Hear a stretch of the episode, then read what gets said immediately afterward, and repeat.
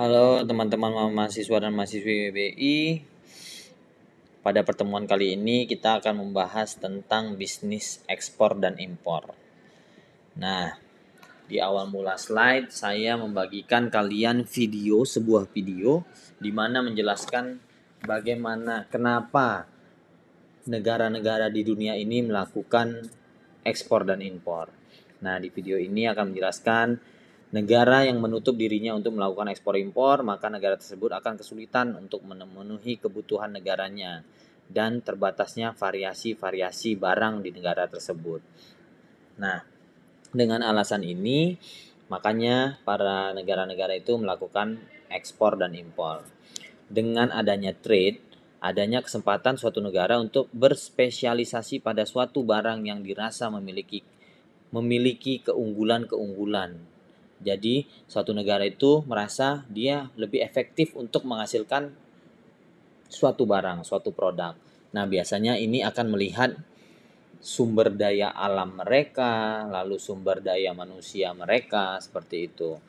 Nah, contohnya Cina memproduksi barang elektronik, Timur Tengah memproduksi minyak, lalu Jerman yang memproduksi mobil, Indonesia yang memproduksi pakaian. Dengan adanya trade, dunia akan menjadi produsen global. Jadi dunia itu menjadi produsen global di mana tiap negara-negara berspesialisasi untuk memproduksi barang-barang yang dianggapnya lebih efektif dan itu akan memenuhi kebutuhan dunia ini. Kita beralih di landasan kemungkinan perdagangan internasional. Jadi ada kelompok dua kelompok dalam alasan landasan kemungkinan perdagangan internasional ini. Kelompok yang pertama itu adalah alasan mendasar, di mana alasan mendasar ini memiliki yang pertama komoditi produksi dengan harga rendah dibandingkan dengan negara lain. Contohnya produk Cina yaitu Xiaomi. Nah, Xiaomi ini smartphone yang harganya rendah dan kualitasnya juga nggak jauh-jauh beda juga sama smartphone yang lain. Jadi dia berhasil di pasaran. Yang kedua, komoditi merupakan produk langka secara alamiah. Contohnya karet, lada yang hanya bisa tumbuh di daerah tropis. Lalu kelompok yang kedua ada namanya alasan penunjang. Nah, alasan penunjang ini dibagi atas dua. Yang pertama itu komoditi sesuai dengan selera dan kebutuhan konsumen luar negeri. Contohnya iPhone. Nah, iPhone ini diproduksi di diproduksi di Cina, tapi desainnya di di Amerika. Nah, dia merasa, wah ini iPhone ini akan akan sesuai dengan selera dan kebutuhan di luar negeri seperti di Indonesia. Makanya dia menjual iPhone dan itu berhasil. Yang kedua itu adalah komoditi diperlukan dalam rangka pengamanan cadangan strategis nasional. Contohnya beras di negara Indonesia. Jadi negara Indonesia, rakyat Indonesia yang makan beras. Nah, produksi dalam negeri tidak mencukupi, makanya dia akan melakukan impor dari biasanya Thailand, Vietnam seperti itu. Nah, di dunia perdagangan internasional atau ekspor impor itu dikenal namanya absolute advantage. Apa sih absolute advantage itu? Adam Smith dalam bukunya The Wealth of Nation mengumumkakan bahwa dengan adanya perdagangan bebas, suatu negara dapat berspesialisasi dan ekspor pada produksi barang yang memiliki keunggulan absolut dan mengimpor barang yang mengalami kerugian absolut. Nah, absolute advantage itu adalah keuntungan yang diperoleh suatu negara dari melakukan spesialisasi dalam kegiatan menghasilkan produksi barang-barang yang lebih efisien, baik dari sisi biaya maupun produksi dibandingkan dengan negara-negara yang lain jika memproduksi produk atau jasa yang sama. Nah, selanjutnya ada video tentang absolute advantage. Nah, kalian boleh melihat video ini untuk me, untuk lebih memahami akan apa sih absolute advantage itu. Mudah-mudahan kalian lebih memahaminya. Setelah menonton video absolute advantage, saya ingin menambahkan gambaran contoh absolute advantage agar kalian lebih mengerti. Nah, di dalam slide saya saya sudah memiliki contoh Ada dua negara, Indonesia dan Australia. Produksinya adalah jagung dan anggur. Indonesia menghasilkan 40 kg jagung dan 15 liter anggur untuk satu jam kerja orang. Sedangkan Australia menghasilkan 30 kg jagung dan 25 liter anggur untuk satu jam kerja orang. Nah, Indonesia dari dari data ini kita sudah bisa melihat Indonesia memiliki keunggulan absolut pada produksi jagung karena 40 kg itu lebih besar daripada 30 kg yang dihasilkan Australia. Nah, sedangkan Australia memiliki keunggulan absolut pada produk anggur karena 25 liter anggur itu lebih besar daripada 15 liter anggur yang dihasilkan oleh Indonesia.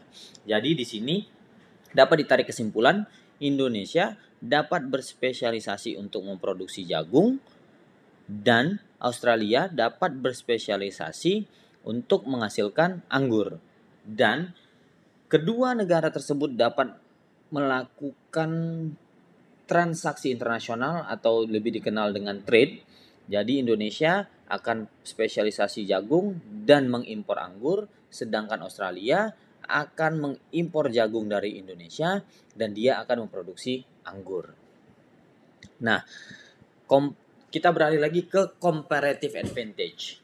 Apakah itu comparative advantage? David Ricardo mengemukakan bahwa comparative advantage merupakan keunggulan komparatif suatu negara untuk menemukan barang-barang yang dapat diproduksi pada tingkat biaya pada ketidakunggulan absolut yang lebih rendah daripada barang lainnya. Nah, ini adalah contoh dari comparative advantage. Kita bisa lihat produksi itu Thailand dan India. Kalau beras Thailand menghasilkan 6, sedangkan India 1, sedangkan kain itu Thailand 3 dan India 2. Kalau misalnya dilihat dari absolute advantage yang tadi kita bicarakan itu tidak dapat dilakukan ekspor dan impor karena di sini Thailand menang selalu menang karena dia beras lebih besar daripada India dan kain juga lebih besar daripada India. Nah, tetapi David Ricardo dengan comparative advantage-nya dia bisa bilang ini masih bisa dilakukan trade. Nah, kita lihat di sini melihat produk yang ketidakunggulan absolutnya lebih kecil. Jadi Thailand itu satu jam kerja orang sama dengan 6 beras dan sama dengan tiga kain. Atau satu beras sama dengan setengah kain dan satu kain sama dengan dua beras. Sedangkan India satu jam kerja orang sama dengan satu beras sama dengan dua kain atau satu beras sama dengan dua kain, satu kain sama dengan setengah beras.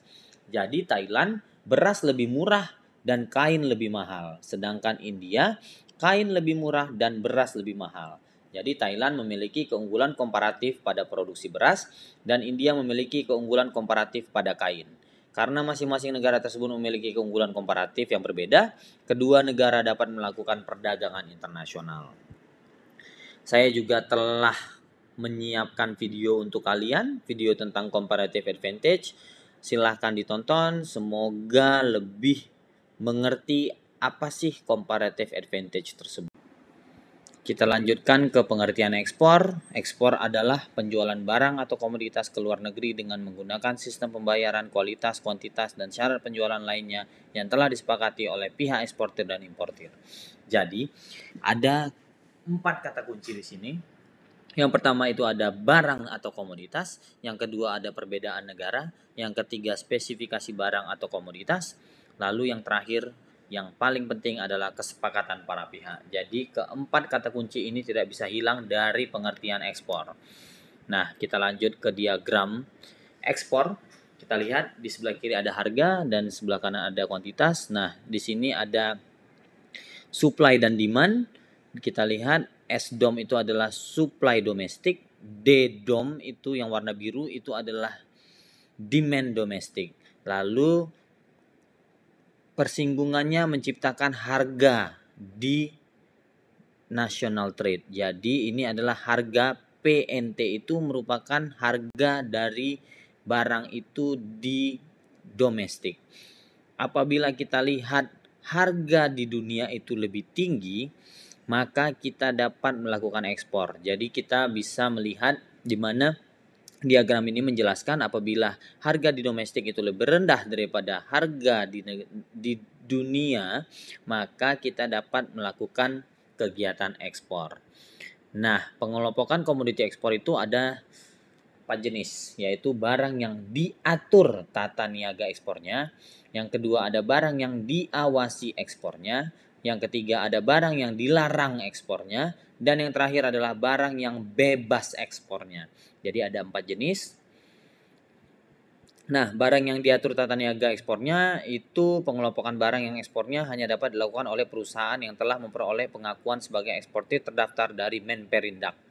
Nah, contohnya adalah kopi, tekstil, produk tekstil, kayu lapis. Nah, sedangkan barang yang diawasi ekspornya itu pengelompokan barang yang ekspornya hanya dapat dilakukan oleh perusahaan yang telah memperoleh persetujuan dari Menperindak atau pejabat yang ditunjuk dengan mempertimbangkan usulan dari instansi pembina teknis. Contohnya itu adalah pupuk, minyak dan gas bumi, inti kelapa sawit, benih ikan bandeng, dan sebagainya. Sedangkan barang yang dilarang ekspornya sudah jelas ya, dilarang ya. Contohnya adalah hasil perikanan dalam keadaan hidup, binatang liar, tumbuhan alam yang dilindungi, barang kuno yang bernilai kebudayaan.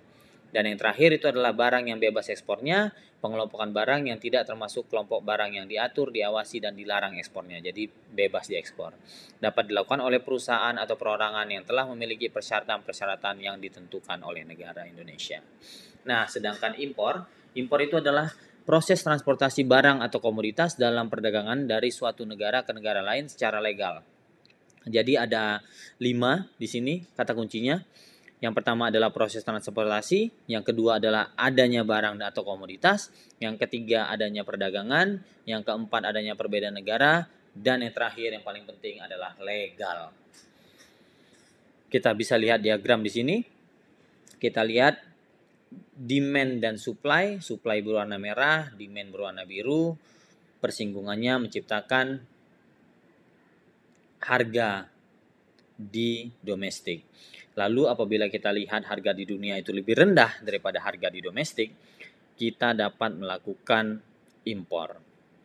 Itu adalah kata kuncinya. Nah, sedangkan pengelompokan komoditi impor itu lebih mudah, yaitu cuma ada dua, yaitu yang pertama barang yang diatur tata niaga impornya, dan yang kedua adalah barang yang dilarang impornya. Nah, barang yang diatur tata niaga impornya itu adalah barang-barang yang dapat diimpor dengan ketentuan-ketentuan khusus yang ditetapkan oleh Menperindak atau instansi-instansi pemerintah lainnya. Contohnya beras, cengkeh, tepung, terigu, pupuk, gula, emas. Sedangkan barang yang dilarang impornya jenis barang yang tidak diperbolehkan suatu perusahaan atau badan usaha mengimpor barang tersebut. Contohnya produk industri percetakan, pesawat penerima siaran TV dan radio dalam keadaan terpasang. Nah, mengapa produk industri percetakan itu dilarang? Karena negara Indonesia ingin memastikan bisnis-bisnis di domestik tentang percetakan itu berjalan. Karena ini sebenarnya simple.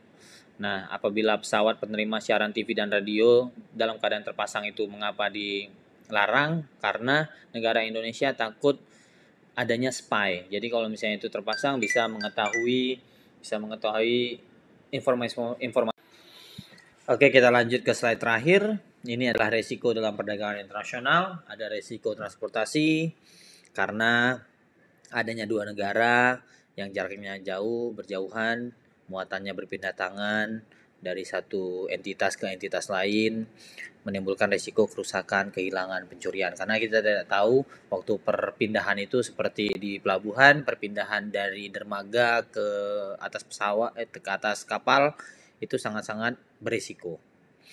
Lalu yang kedua ada risiko kredit atau non payment, eksportir sulit menelusuri reputasi calon eksportir menimbulkan risiko tidak bayar atau telat dibayar. Lalu ada risiko mutu barang, importir sulit memeriksa mutu barang secara fisik karena berbeda negara, jadi dibutuhkan modal yang lebih besar untuk datang ke suatu negara memastikan bagaimana sih mutu barang tersebut. Lalu ada risiko nilai tukar, karena kita tahu sendiri nilai tukar rupiah kita itu tidak hanya tidak hanya diam di situ tapi dia akan fluktuasi. Jadi fluktuasi nilai tukar mata uang yang tidak dapat dihindari menghindari dengan hedging kalau ingin menghindarinya. Lalu ada risiko peristiwa tak terduga, pemogokan, bencana alam, perang yang dapat menggagalkan pengiriman. Adanya risiko hukum, peraturan dan hukum yang berubah-ubah. Lalu yang terakhir ada risiko investasi, kondisi perusahaan untuk melakukan ekspor atau impor. Nah, apabila kalian melakukan kegiatan ekspor dan impor, pahami ini risiko-risikonya, lalu kalian dapat melakukan kegiatan ekspor dan impor dengan benar. Semoga pelajaran kali ini bermanfaat. Sampai jumpa di pertemuan berikutnya.